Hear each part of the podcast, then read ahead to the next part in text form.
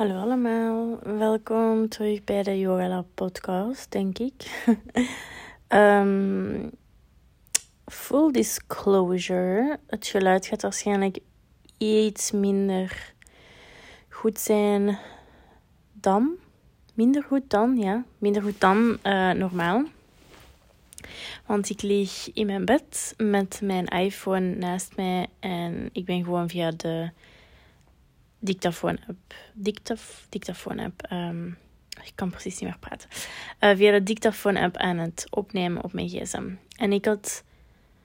Of ik voelde me geïnspireerd om bepaalde dingen te delen. Maar ik merk dat de laatste tijd het mij altijd tegenhoudt om er een podcast of zo over op te nemen. Omdat ik dan mijn hele podcast setup moet installeren. Of dat is toch het idee dat ik in mijn hoofd heb gecreëerd dat om een podcast op te nemen, dat ik eerst die hele installatie eruit moet halen en dan mijn computer connecteren met de installatie, wat niet altijd lukt. En dan nog mijn koptelefoon zoeken, die waarschijnlijk ergens door het appartement verspreid ligt.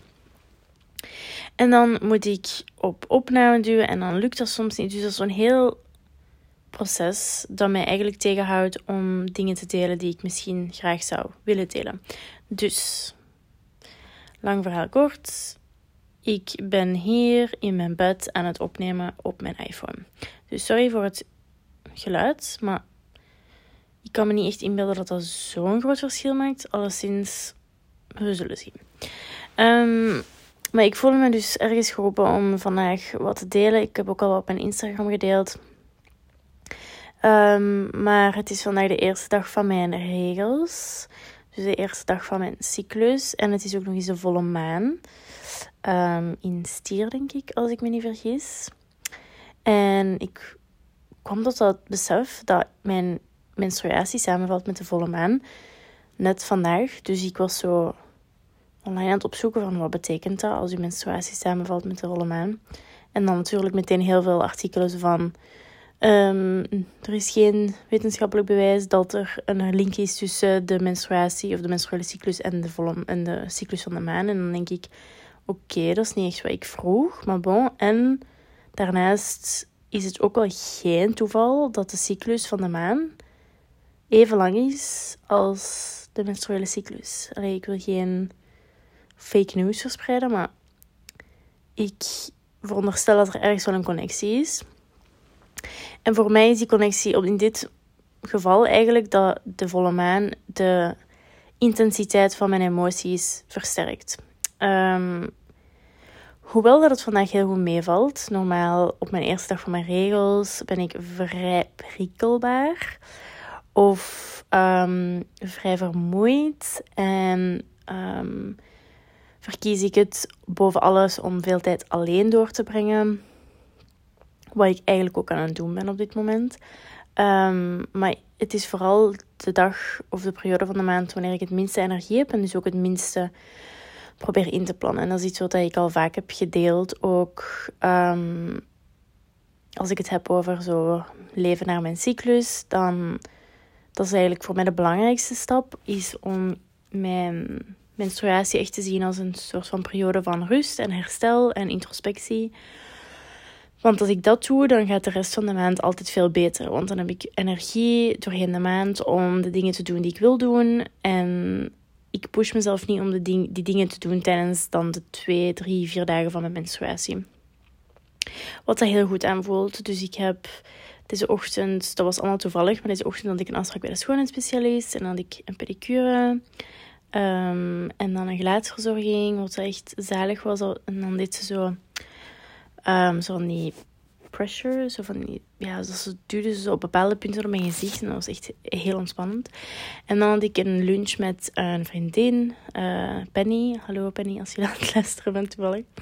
Um, en dan hebben we twee uur en dan zitten babbelen over alles. Um, en zijn we weer vrij diep gegaan, zoals Zoals altijd, alweer, altijd. We hebben twee keer samen afgesproken. Maar, um, dus dat was leuk. En dan ben ik thuisgekomen en dan heb ik een bad genomen. Heb ik veel Epsom-zout in mijn bad gedaan, dus magnesiumvlokken. Omdat dat voor mij heel hard helpt om mijn spieren goed te ontspannen en los te maken. Want ik heb uh, veel, nogal wat spierpijn gehad deze week.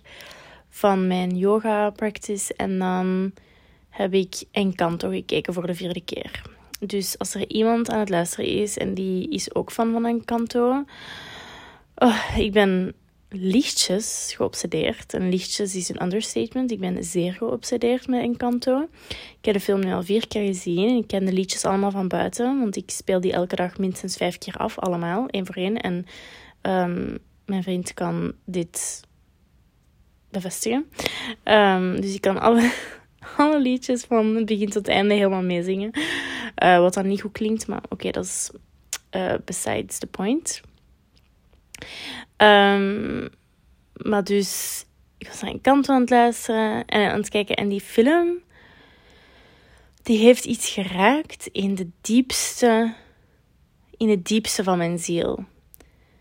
Ik weet niet, nee, ik weet het wel waarom. Maar het is vooral bij mij het feit dat het, die film helemaal draait rond dat iedereen bepaalde um, verwachtingen opgelegd worden of van binnen in zichzelf op, opleggen.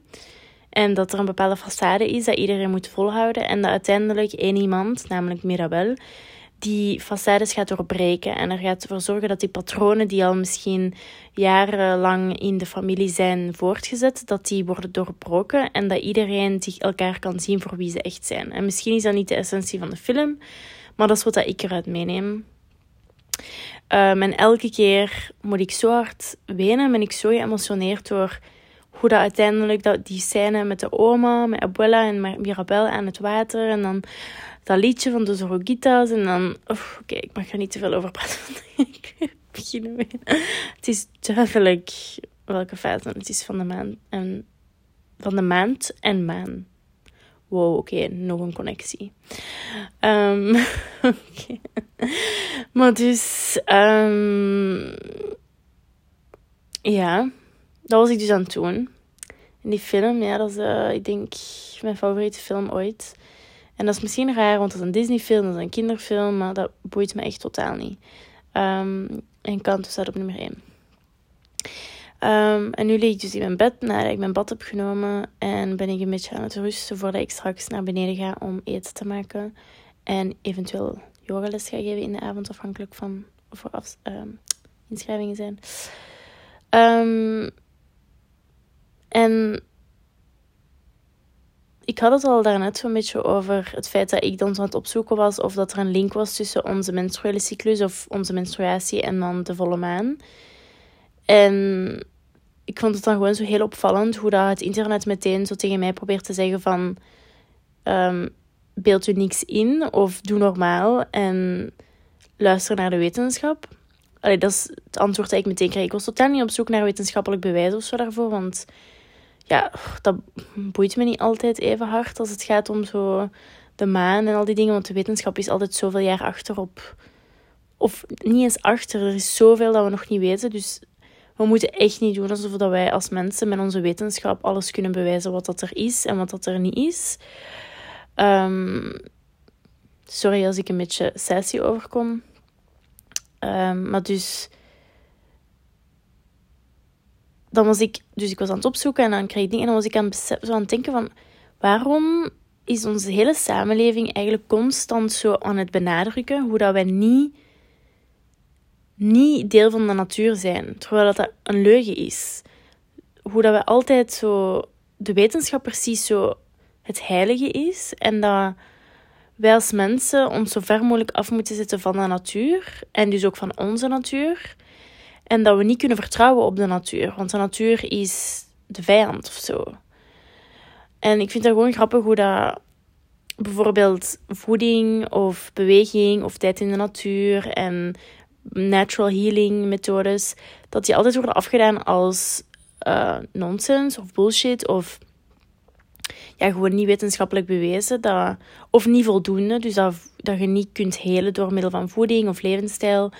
Um, en dat we altijd moeten vertrouwen op de wetenschap of iets, iets extern of buiten ons. En dan denk ik zo van, maar jullie weten toch, en ik weet niet wie ik bedoel met jullie, maar weten toch dat. Ik bedoel niet u, degene die luistert, maar de, ik weet niet, de groep van wetenschap of zo. Um, jullie weten toch dat voordat jullie hier op deze aarde kwamen dingen bewijzen met jullie wetenschap en experimenten, leefden mensen duizenden, duizenden, duizenden jaren en hadden die andere manieren om ziektes te genezen en mensen beter te maken en zo. En die zullen niet altijd even effectief zijn geweest als de methode die we nu hebben. Want don't get me wrong, ik ben mega fan van alle interventies en therapeutische dingen en medicaties die mensen hun leven kan beter maken en ervoor zorgen dat ze gezonder kunnen leven. Want ik weet ook met directe ervaring dat het vaak heel nodig is om medicatie te gebruiken om iemand zijn gezondheid te ondersteunen. Ik heb zelf ook mensen in mijn familie die in mijn dichte familie die dat nodig hebben en ik ben heel dankbaar dat dat er is, zodat die persoon er kan zijn en het leven kan leiden dat hij wil leiden. En ik wil niet emotioneel worden. um, maar ik ben heel dankbaar dat dat er is, zodat die mensen het leven kunnen leiden dat ze graag willen leiden. En dat die niet beperkt worden door hun um, ziektes of... Maakt niet uit wat. Oké, um, get it together. en... Dus ik ben heel dankbaar voor... Maar ik denk dat beide tegelijk kunnen bestaan. Ik geloof dat het helemaal mogelijk is om zowel de wetenschap te gebruiken. En met de wetenschap bedoel ik. Ja, nu, nu lijkt het alsof ik. Eigenlijk bedoel ik kon eigenlijk vooral de medische wereld van uh, medicatie en al die dingen ik denk dat er een heel mooi of, uh, samenspel kan zijn tussen die twee. Tussen de wetenschap en medicatie en uh, innovatie en al die dingen. En tegelijk ook het besef dat wij een onderdeel zijn van de natuur. En dat de natuur er is om ons te ondersteunen en ons te geven wat dat we nodig hebben. Want hoe toevallig is het dat alles wat wij nodig hebben voor ons lichaam, om in leven te blijven en gezond te zijn, dat we dat in, op de aarde kunnen vinden, in de natuur kunnen vinden. Dat is en hoe toevallig dat ja, dus eigenlijk niet toevallig. Want de hele aarde is gemaakt in, of de, natuur is, allemaal in, is helemaal in harmonie. Als wij hier niet te veel zouden tussen zijn gekomen, dan was alles in harmonie gebleven en dan had iedereen altijd gehad wat hij nodig had. Qua voeding en, en al die dingen. En ik weet dat. Ik ben heel dankbaar dat ik in de 21ste eeuw leef en dat ik nu leef en dat ik een een dak boven mijn hoofd heb en dat ik al het comfort rond mij heb dat ik nu rond mij heb en dat heel veel mensen dat kunnen hebben. Dus het is niet omdat ik zeg dat,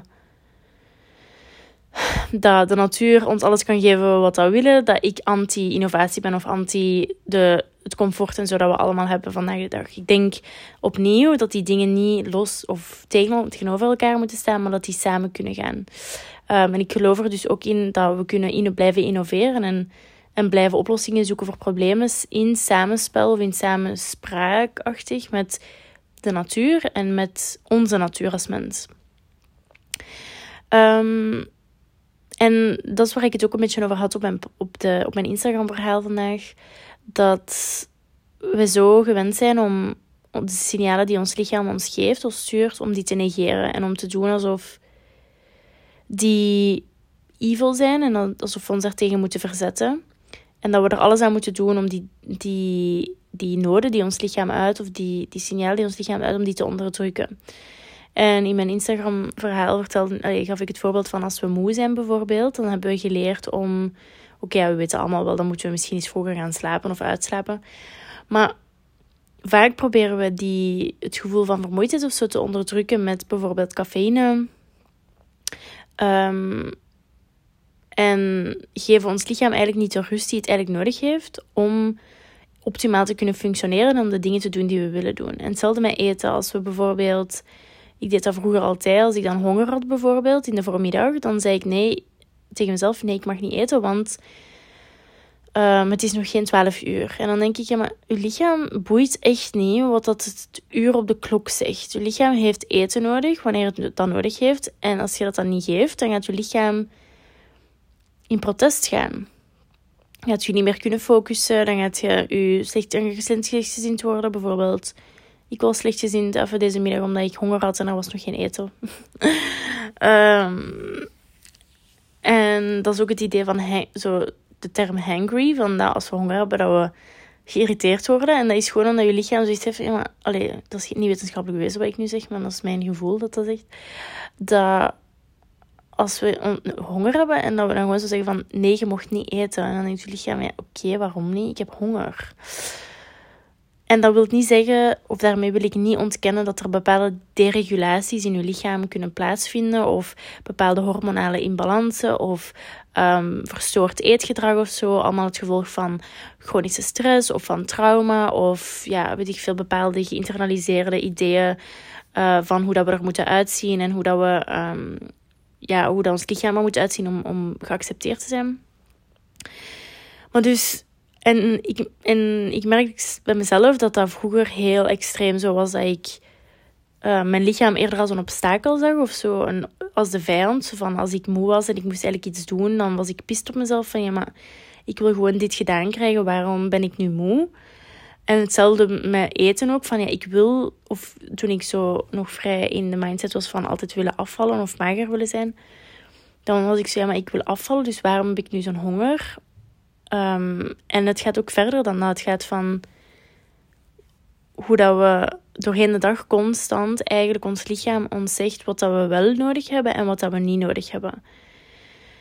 En bijvoorbeeld, je lichaam zal ook op tijd aangeven wanneer dat we geen honger meer hebben, wanneer dat we genoeg hebben gegeten, of wanneer we genoeg hebben gedronken, of wanneer we genoeg cafeïne binnen hebben, of wanneer we genoeg hebben geslapen. En dat zijn ook signalen die we vaak vermijden of negeren. En ik wou er gewoon wat dieper op ingaan hier via de podcast om verder in te gaan op hoe dat ik daar naar kijk en hoe dat ik denk dat we dat kunnen veranderen. En ook hoe dat, dat moeilijk is voor ons als mensen om dat te veranderen. Omdat we zo geleerd hebben, dat we zijn zo opgegroeid en opgevoed. Niet per se dat er iemand schuldig is, totaal niet. Maar dat is gewoon het idee in onze samenleving dat ons lichaam meer is of dat wij er zijn als mensen om te presteren, om bepaalde dingen te bereiken, om bepaalde dingen te produceren. En dat ons lichaam eigenlijk vaak in functie staat van iemand anders. En dan is het natuurlijk heel logisch dat we onze noden negeren, want we moeten bijvoorbeeld van kleins af aan binnen het schoolsysteem passen en binnen de regels van het schoolsysteem passen. Dus als wij moe zijn, we kunnen moeilijk in slaap vallen, of als we in slaap vallen op onze schoolbank, dan krijgen we daarvoor een.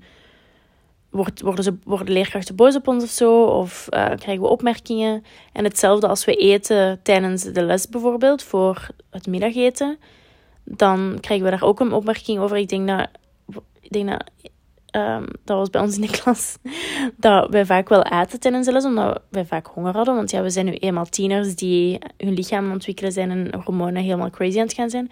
En ik denk, ik weet niet, ik denk niet dat ik erbij was, maar twee van mijn beste vriendinnen waren dan, hadden dan een strafstudie of zo gekregen, omdat ze aan het eten waren in de les. En dan denk ik echt zo, maar, is dat nu echt... Dus we worden eigenlijk van een kleins af aan al aangeleerd dat de noden die ons lichaam uit, dat die slecht zijn en dat we daar ons moeten tegen verzetten. En ik snap tot een bepaald niveau ook dat er regels moeten zijn en dat discipline, dat niet iedereen gewoon in slaap kan liggen in de klas. Dat snap ik ook. Maar misschien moeten we het systeem waarin dat we leven aanpassen aan ons lichaam en niet per se ons lichaam aan het systeem. Als je snapt wat ik bedoel. Dat tieners uh, nu eenmaal heel veel te verwerken hebben om heel veel veranderingen in hun lichaam, heel veel veranderingen in hun omgeving, andere verwachtingen van buitenaf. Um, een heel nieuwe ontdekking van de wereld. Langzaam worden ze onafhankelijk van hun ouders, dus ze gaan zich wel los beginnen koppelen. Dus er zijn heel veel nieuwe indrukken. En ik ga even verleggen, dus sorry als de iPhone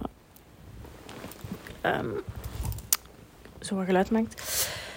Dus er zijn heel veel indrukken en er zijn heel veel veranderingen die door het lichaam of in het lichaam aan het gebeuren zijn. Dus waarom zouden we dan een schoolsysteem maken waarin dat kinderen constant worden verwacht om stil te zitten op een stoel en te luisteren naar andere mensen, terwijl heel veel kinderen daar niet echt de energie voor hebben. En er zullen veel kinderen zijn die daar wel perfect in passen. Maar ik weet heel veel mensen, bijvoorbeeld ook mijn zus, die, die past gewoon niet binnen dat systeem. In de zin van dat hij haar aandacht er niet bij kan houden. En dat, voelt gewoon echt niet goed voor haar. En ze wordt daar heel ongelukkig van. Dus ik, ik, vind dat dan zo heel moeilijk van waarom dat wij ons... Bas ja, oké. Ik kan nog heel lang over deze, dit ding uh, verder gaan. Um, maar dus ja, we worden al van jongs af aan aangeleerd dat al onze noden fout zijn. En dat we die allemaal moeten beperken en onderdrukken. Waardoor dat als we ouder worden, dat we dan ook altijd andere mensen en andere dingen eerst gaan zetten. En dan ons lichaam of de noden van ons lichaam eigenlijk laat gaan komen. Dus onze werk gaat eerst komen, onze kinderen, onze collega's, onze vrienden, onze partner, het huishouden. Alles is belangrijker dan naar ons lichaam te luisteren, want we hebben geleerd dat dat is hoe dat we eigenlijk een goed mens kunnen zijn en dat we gelukkig kunnen zijn en dat we binnen het systeem kunnen passen en dus ook bij gevolg geaccepteerd kunnen worden. En dat is wat we allemaal willen uiteindelijk. Geaccepteerd worden, geliefd worden, graag gezien worden. Dat is uiteindelijk de basis van alles wat we doen, ook al hebben we het niet door. En, als, en bepaalde gedragingen die uiteindelijk tot het tegenovergestelde leiden, of die ervoor zorgen dat we onszelf niet graag zien of onszelf negeren, die zijn eigenlijk, dat zijn een soort van dysfunctionele patronen die we hebben aangeleerd gekregen of hebben overgenomen van anderen, maar die niet echt gebaseerd zijn op onze realiteit, of op, die niet in alignment zijn met wat dat wij willen en wat dat wij nodig hebben met ons lichaam en wat dat ons echt die acceptatie gaat geven en echt die liefde gaat geven in de eerste plaats van onszelf. Um, en dus ik had het dan op mijn Instagram story ook over hoe dat ik geloof dat we eigenlijk allemaal dus weten wat ons lichaam nodig heeft. En ik weet dat er ook dat als je aan het luisteren bent en je denkt van maar ik weet het echt niet of ik, weet, ik zou niet eens weten waar te beginnen, dan is er waarschijnlijk iets dat u tegenhoudt of u beperkt in de mate waarop dat je je veilig voelt in je lichaam. En dat is iets waar ik het eerder al op, over heb gehad op de podcast van dat um, veiligheid of een gevoel van veiligheid in ons lichaam creëren echt een van de eerste stappen is naar meer vrijheid en meer zelfbewustzijn, meer zelfliefde, zelfacceptatie en gewoon geluk in het leven in het algemeen.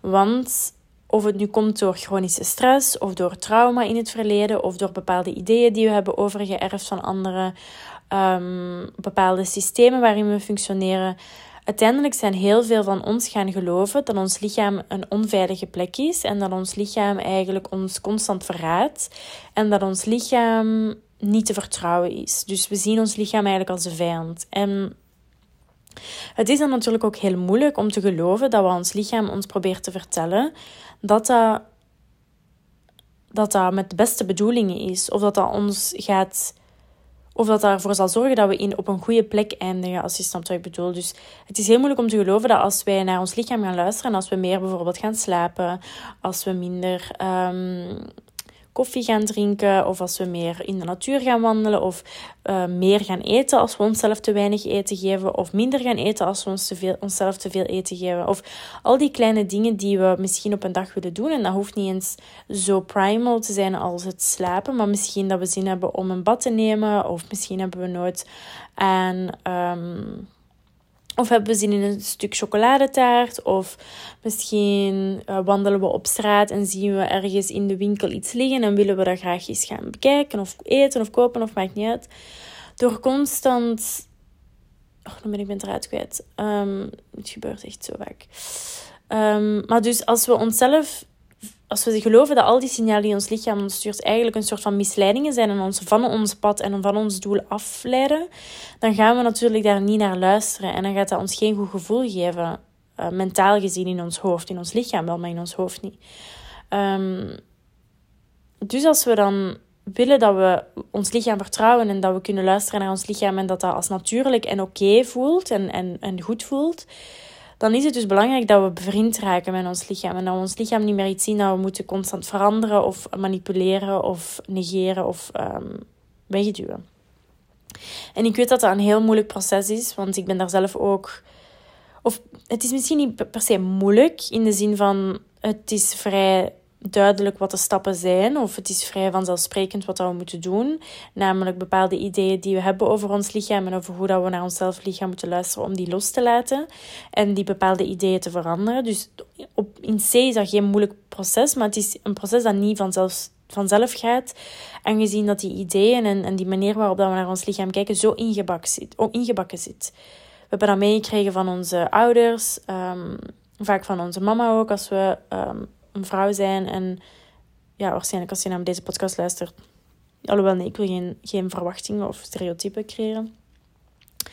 Um, En vanuit van de media, van, van op school, van onze vrienden.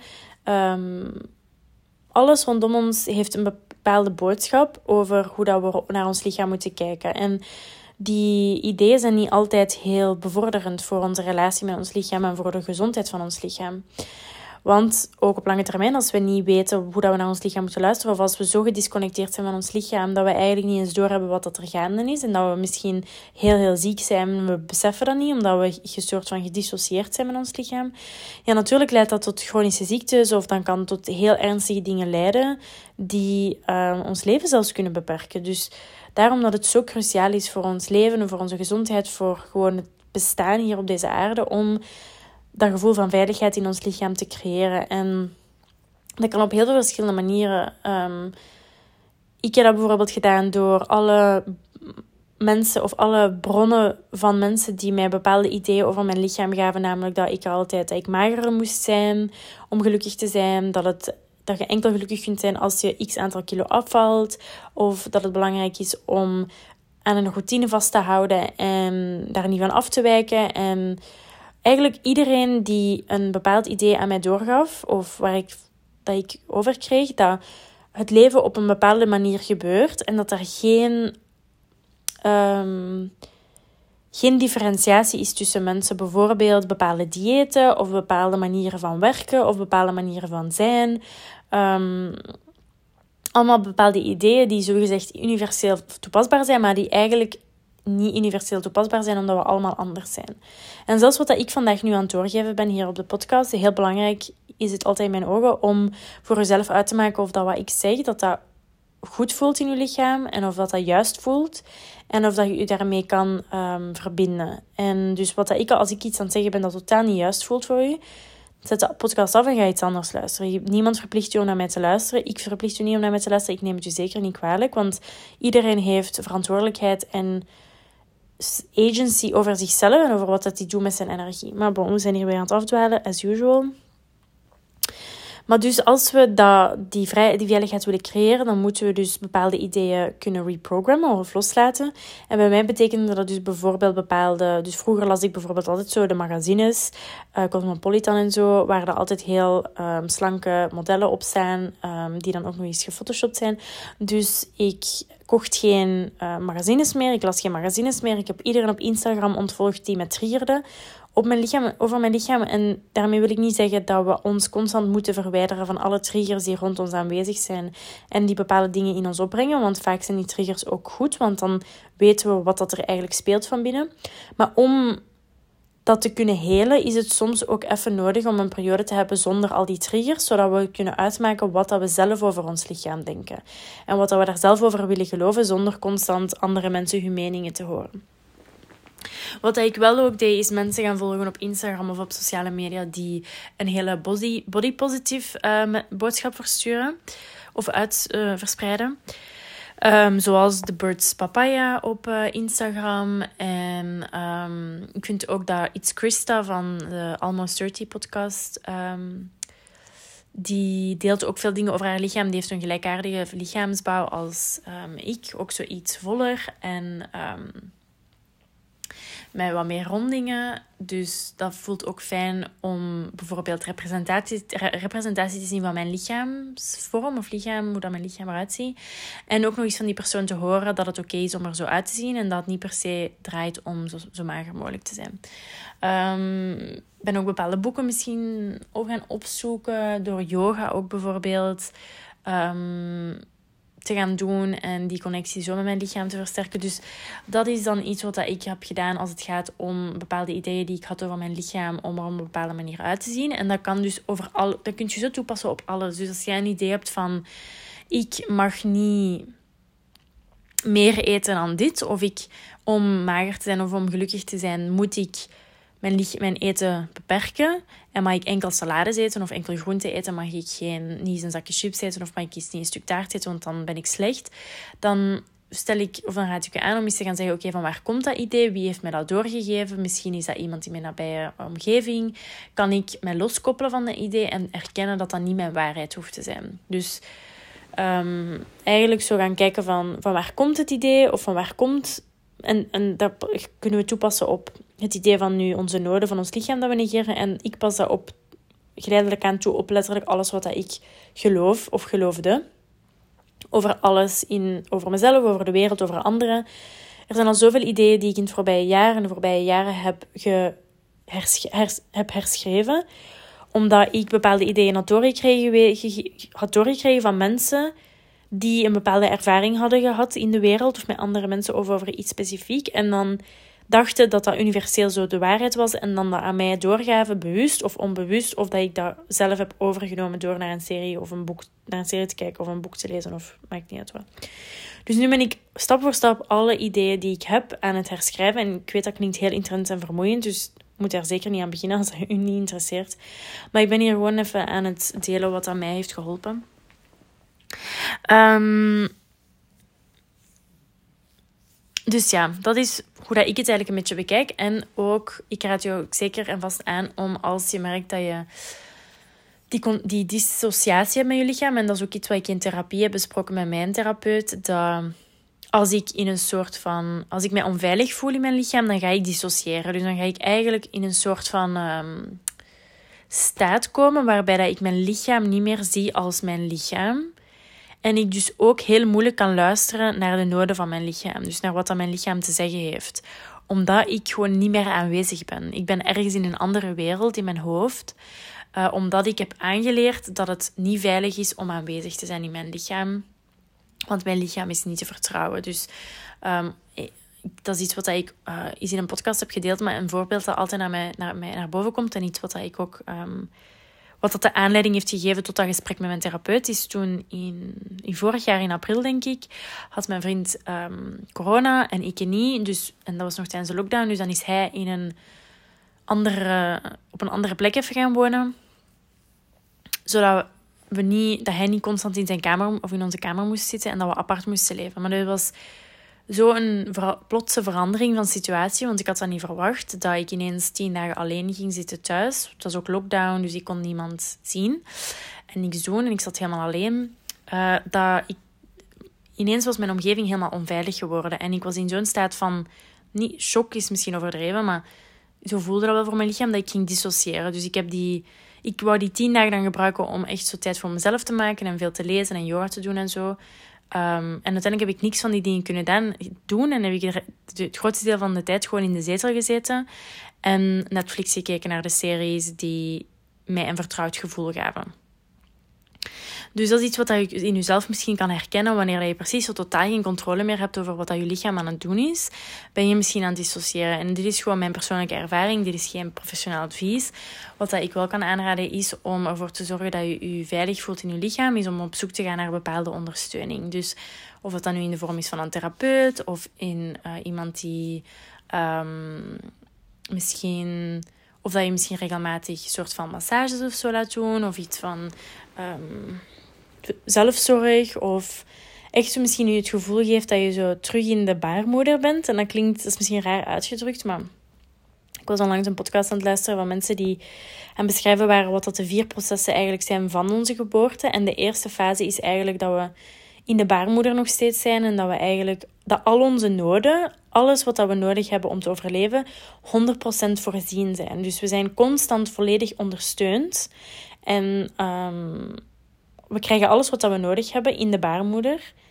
En één keer dat we daar uitkomen, tijdens de geboorte, is dat zo'n shock voor ons systeem, omdat we nu ineens niet meer alles hebben wat we nodig hebben en dat we afhankelijk zijn van mensen om ons te geven wat we nodig hebben en dus om onze noden te kunnen aflezen of te kunnen interpreteren.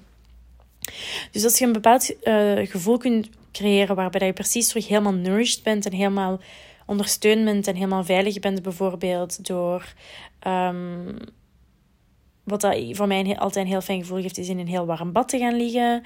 Um, of in mijn bed met heel veel dekens. En dan het licht zo een beetje zachter, zo een donkere kamer. En dan um, mijn favoriete series kijken. Of misschien een yin yoga les doen. Of een bepaalde meditatie doen. Um, bepaalde relaxatieoefeningen die ons terug in ons lichaam brengen. Die ons terug naar onze ademhaling brengen. En die um, eigenlijk aan ons lichaam kunnen aangeven dat we veilig zijn. Dat is iets wat de ademhaling ook heel hard doet. En dat is waarom dat yoga en um, ademhalingstechnieken zo krachtig zijn, is omdat onze ademhaling bepaalt eigenlijk, of hangt heel hard samen met ons zenuwstelsel. En als we onze ademhaling verdiepen en vertragen, dan gaan we op een bepaalde manier een signaal sturen naar ons zenuwstelsel dat we veilig zijn en dat het oké is om te ontspannen. Dus daarom dat die ademhaling heel, heel krachtig is. Um, ik heb op mijn Instagram verschillende video's over rond de ademhaling. En, um, dus als je daar geïnteresseerd in bent, kan je helemaal gratis gewoon eens op mijn Instagram gaan kijken voor die video's. Um, maar nu ben ik alweer een half uur aan het babbelen en ik ging er maar een korte aflevering van maken. Dus dat is denk ik hetgene wat ik vandaag het meest zou meegeven, is hoe dat... Dat ons... Ja, ik, ik, op dit moment heb ik zo een, een overweldigend gevoel dat, dat ons lichaam en de connectie die we hebben met ons lichaam zo bepalend is voor hoe dat we ons voelen in ons leven en hoe dat we in de wereld staan en hoe dat we de, de wereld ervaren. Want als we ons onveilig voelen in ons lichaam, dan, gaat ons, gaan we uiteindelijk gaat dat ook een reflectie worden van hoe dat we in de wereld staan en naar de wereld kijken. Dus dan gaat de wereld onveilig worden voor ons. Gaan we constant um, in andere mensen bedreigingen zien? Of gaan we heel snel ons afreageren op anderen? Gaan we heel snel getriggerd zijn of boos worden of gefrustreerd zijn? Of denken dat andere mensen altijd heel slechte intenties hebben? Bijvoorbeeld um, op het in het verkeer merk ik dat heel hard als ik een soort van opgejaagd ben of gestresseerd ben. Ik denk dat we dat allemaal wel hebben. Dat als mensen te snel rijden of te traag rijden of iets onverwachts doen, dat we denken dat die mensen slechte bedoelingen hebben. Terwijl dat dan niet, helemaal niet het geval hoeft te zijn. Maar hoe dat ik het verkeer ervaar is vaak voor mij een indicatie voor hoe dat ik mij in mijn lichaam voel. Als ik helemaal in mijn eigen cocon kan zijn en gewoon aan het rijden zijn en mijn muziek op, vaak en kanto muziek op. Um, en met totaal niets aantrek van wat dat de andere bestuurders doen. Ja, natuurlijk ga ik wel reageren als er iemand iets doet en ik moet daarvoor op reageren. Maar ik bedoel eerder van emotioneel reageren. Dus emotioneel blijf ik de hele tijd in mijn eigen bubbel en mind ik mijn own business. En probeer ik niet te in, te, in mij in te beelden wat andere mensen aan het denken zijn of aan het doen zijn dan weet ik, oké, ik ben kalm, ik ben, goed, ik ben rustig in mijn lichaam, ik ben ontspannen. Maar als ik merk dat ik me heel hard opjaag in de mensen rondom mij, in de, de auto's rondom mij, dan weet ik dat er ergens iets van onveiligheid in mij zit. Want dat is hoe dat ik dan de wereld zie. En hoe dat we de wereld zien op zo'n momenten is niet de reflectie van de realiteit. En de realiteit is natuurlijk... Er is geen objectieve realiteit. Iedereen observeert, of ja, observeert de realiteit op zijn eigen manier. Dus we kunnen zelf ook een beetje controle uitoefenen op hoe dat we die realiteit waarnemen. En als we ons best doen om in een heel kalme en ontspannen en veilige staat te zijn, fysiek gezien, dan gaat dat een reflectie hebben op onze emotionele staat en hoe dat we de mensen rondom ons ervaren. Dan gaat ineens iedereen veel vriendelijker lijken en lijkt het dat de wereld ineens voor ons is in plaats van tegen ons, terwijl er eigenlijk niks veranderd is. Gewoon onze mindset of onze uh, blik op de wereld. Oeh, dat was even veel informatie. Of weer aan één stuk door een monoloog. Um, maar dat is natuurlijk waarom ik deze podcast heb, zodat ik een plek heb om die dingen te uiten en te verbaliseren, te externaliseren. Dus ik ga nu stilletjes aan. Of ik ga nog een beetje journalen in mijn schriftje, want de eerste dag van mijn regels en mijn cyclus probeer ik altijd daar wat tijd voor te maken om zo na te denken over wat dat ik graag wil loslaten deze cyclus, waar ik graag op wil focussen, de intentie die ik wil brengen naar, mijn, uh, naar de komende maand toe. En ik ga ook een beetje proberen experimenteren met meer manifestatie. En als je in de wereld zit van spiritualiteit en yoga en zo, dan zal je waarschijnlijk wel al van manifestatie hebben gehoord. En dat is ook een beetje een. Mm, moet je dat zeggen? Een. Uh, wat is het woord? Een allee, het, zodat er verschillende meningen zijn en dat het zo niet altijd even. dat er niet altijd een enigszins of een uh, eensgezind idee over is. Um, maar bon, dus er zijn bepaalde mensen die, of bepaalde ideeën over manifestatie, dat het allemaal bullshit is. En enkel voor uh, geprivilegeerde mensen, wat dat ook, waar ook echt een waarheid in zit. Dat ik hier kan werken met manifestatie, omdat ik in mijn appartement zit met verwarming en weten dat ik straks mijn eten kan gaan maken en weten dat ik genoeg geld heb op mijn rekening om aan mijn noden te voldoen. En er is niemand die mij discrimineert en er is niemand die achter mij aanzit en er is niemand die mij bedreigt. Um, dus ik herken heel hard dat ik bezig kan zijn met dingen zoals manifestatie. En eigenlijk eender wat ik deel op mijn podcast of op mijn Instagram. En dat ik bezig kan zijn met yoga, omdat mijn, omdat mijn levenssituatie niet bedreigd wordt door andere mensen of door ehm, omstandigheden. Dus dat is iets wat ik herken, maar tegelijk ook betekent dat, hoeft dat niet te betekenen dat manifestatie niet werkt. En um, dat is iets wat ik in de toekomst misschien wel over kan praten, over mijn ervaringen. Maar ik ben de laatste tijd veel meer uh, en ben ik me aan het verdiepen in energie en uh, ons energetisch lichaam. Um, en hoe dat bepaalde energieën elkaar kunnen aantrekken. En hoe dat als we bepaalde dingen uitsturen in het universum, dat we bepaalde dingen gaan aantrekken. En als je dit hoort en zegt van, wat is hij nu allemaal aan het zeggen? Ik snap het helemaal, dat is helemaal oké. maar dat is iets wat ik nu mee wil gaan experimenteren. Om te zien hoe dat, dat werkt en hoe dat ik mijn energie helemaal kan streamlinen en volledig focussen op één bepaald ding. In dit geval is dat op mijn uh, lichaam ook, om mijn lichaam helemaal te helen, want ik heb nog altijd heel veel last van um, hormonale disbalans. Dus sinds ik gestopt ben met de Uh, en iets meer dan een jaar geleden heb ik nu altijd heel veel last van uh, hormonale acne, gewichtstoename, um, wat nog allemaal, haarverlies, droge huid, ja, irritatie in het algemeen. En ondertussen is vastgesteld dat mijn lever daar een grote rol in speelt. Um, ben ik al supplementen aannemen. Um, en ben ik in een traject samen met een orthomoleculaire specialist. Dus ik ben daarmee bezig. Maar dus nu wil ik mijn lichaam gezond gaan manifesteren. En dat betekent niet dat ik daar niks voor ga doen. Of dat ik niks ga, daar niet naar ga handelen. Maar ik ben gewoon eens benieuwd wat er gebeurt als ik mijn energie 100% daarop focus. Door bepaalde affirmaties, door bepaalde ideeën die ik heb over mijn lichaam of over wat het betekent om gezond te zijn, om die te, hergaan, te gaan herschrijven. Um, dus dat is gewoon mijn experiment op dit moment in het leven. Um, dus wie weet dat ik in de toekomst nog eens een aflevering over doe als ik wat meer informatie en ervaring heb gehad. Oei, mijn.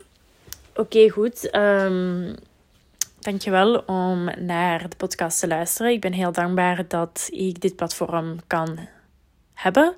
Dat er mensen zijn die naar mij willen luisteren. Um, ja, ik denk dat dat vooral het overheersende gevoel is op dit moment. Dat gewoon die dankbaarheid dat als ik bepaalde gedachten heb, dat ik die dat ik in de eerste plaats ook ergens de kracht heb of de tools heb of het talent heb om nu ondertussen al 40 minuten aan een stuk te praten en mijn woorden om te zetten, of mijn gedachten om te zetten in woorden. Wat dat niet altijd lukte vroeger en omdat ik ook ergens geloofde dat ik dat niet kon. En nu weet ik dat ik dat wel kan, ook al komt het misschien soms een beetje overweldigend of intens over. Maar dat is nu eenmaal wie ik ben en dat is nu eenmaal mijn persoonlijkheid als ik iets doe, dan doe ik het vrij intens. Um, dat is ook waarom ik zo geobsedeerd ben met yoga, waarom ik zo geobsedeerd ben met bijvoorbeeld nu Encanto, waarom ik zo geobsedeerd ben met mijn kat. Um, dus ik ben niet iemand van gewoon iets leuk vinden. Ik ben ofwel mega geobsedeerd, ofwel is het niks voor mij. Um, goed, nu ga ik echt afronden. Ik ga je laten. Dankjewel om je tijd en je energie aan mij te geven. Laat me weten als je bepaalde opmerkingen hebt, bepaalde ideeën hebt, bepaalde dingen die je denkt van, oh my god, ja, ik herken dat keihard, dit is wat er bij mij is gebeurd, of dit is hoe dat dit is voorgevallen in mijn leven of zo, of misschien er bepaalde synchroniciteiten met wat ik kan zeggen ben en wat jij aan het voelen bent. Want ik geloof dat er eigenlijk ook wel ergens een collectieve energie is die ons allemaal op een bepaalde manier dezelfde ervaringen wilt geven, of dezelfde lessen wilt geven, op een hoger niveau. Oké, nu ga ik echt stoppen met praten. Um, en ik ga mijn eten maken. En dan misschien um, mijn kanten nog een beetje afkijken. Goed, um, dankjewel om te luisteren en graag tot de volgende keer. Doei!